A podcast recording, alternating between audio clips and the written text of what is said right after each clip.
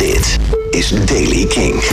Nieuws over Sting, Tool, Panic at the Disco en een klein stukje nieuwe muziek van Haim. Dit is de Daily King van maandag 15 juli.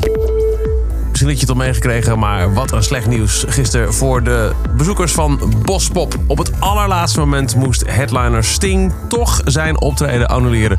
De organisatie moest het de middag van het optreden bekendmaken op het hoofdpodium van het festival. Te laat om nog een vervanger te regelen. Dus er werd wat geschoven en de ook al geprogrammeerde Nile Rodgers en Chic werden uiteindelijk de afsluiter van de laatste dag van Bospop. Het hing al een poosje in de lucht. Sting moest vorige week al shows in Duitsland, Tsjechië en België afzeggen... omdat hij last had van gezondheidsproblemen. Maar toen leek het er nog op dat Bospop niet door zou gaan, eh, wel door zou gaan. Helaas dus op de allerlaatste dag van het optreden zelf toch nog nee, geen Sting. Een grote domper. Eerder moest ook headliner Snow Patrol afzeggen. Daarvoor werd Toto nog gestrikt. Jarenlang was het één ding wat heel zeker was voor Tool. Wij staan niet op streamingplatforms. Een paar jaar geleden kwam er al een klein beetje een verandering in. Door berichten dat bij het verschijnen van een nieuw album... er alsnog een opening zou zijn voor het plaatsen van alle eerder verschenen werk van Tool... op streamingplatforms zoals Spotify, Apple Music en Deezer. Maar ja, dat nieuwe album kwam maar niet tot dit jaar. Inmiddels weten we dat op 30 augustus het nieuwe Tool-album komt. En nu lijkt er toch echt een shift plaats te hebben gevonden. Een demo-tape op 91, 72826, met zes tracks, waaronder een vroege versie van Sober daarop, staat sinds dit weekend op YouTube Music, Pandora, Apple Music en Google Play. Opmerkelijk, niet op Spotify. Nog niet, helemaal niet, geen idee.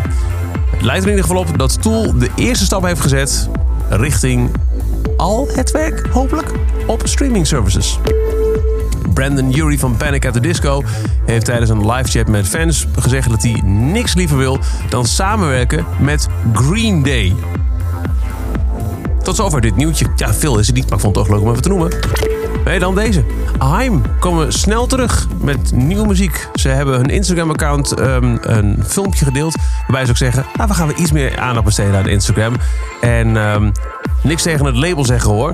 Maar hier vast een eerste tractatie.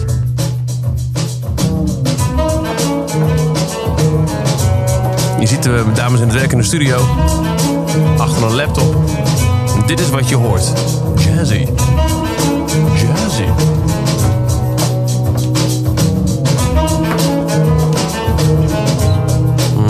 of en wanneer dit zou leiden tot het uitbrengen van nieuwe muziek, dat is op dit moment nog niet bekend. Maar het hangt wel een poosje in de lucht dat er wellicht dit jaar al een nieuw album van Haim komt. En dit zou dan dus het eerste geluid daarvan kunnen zijn. Tot zover de Daily Kink. Elke werkdag het laatste muzieknieuws en waar aanwezig de belangrijkste nieuwe releases. In een paar minuten ben je helemaal bij door dag in dag uit te luisteren via kink.nl. Deze te volgen, deze podcast in Spotify. Dat kan in tegenstelling tot die Tool demo tape dus wel. En we zitten ook in je favoriete podcast app. Elke dag het laatste muzieknieuws en de belangrijkste releases in de Daily Kink. Check hem op kink.nl of vraag om Daily Kink aan je smart speaker.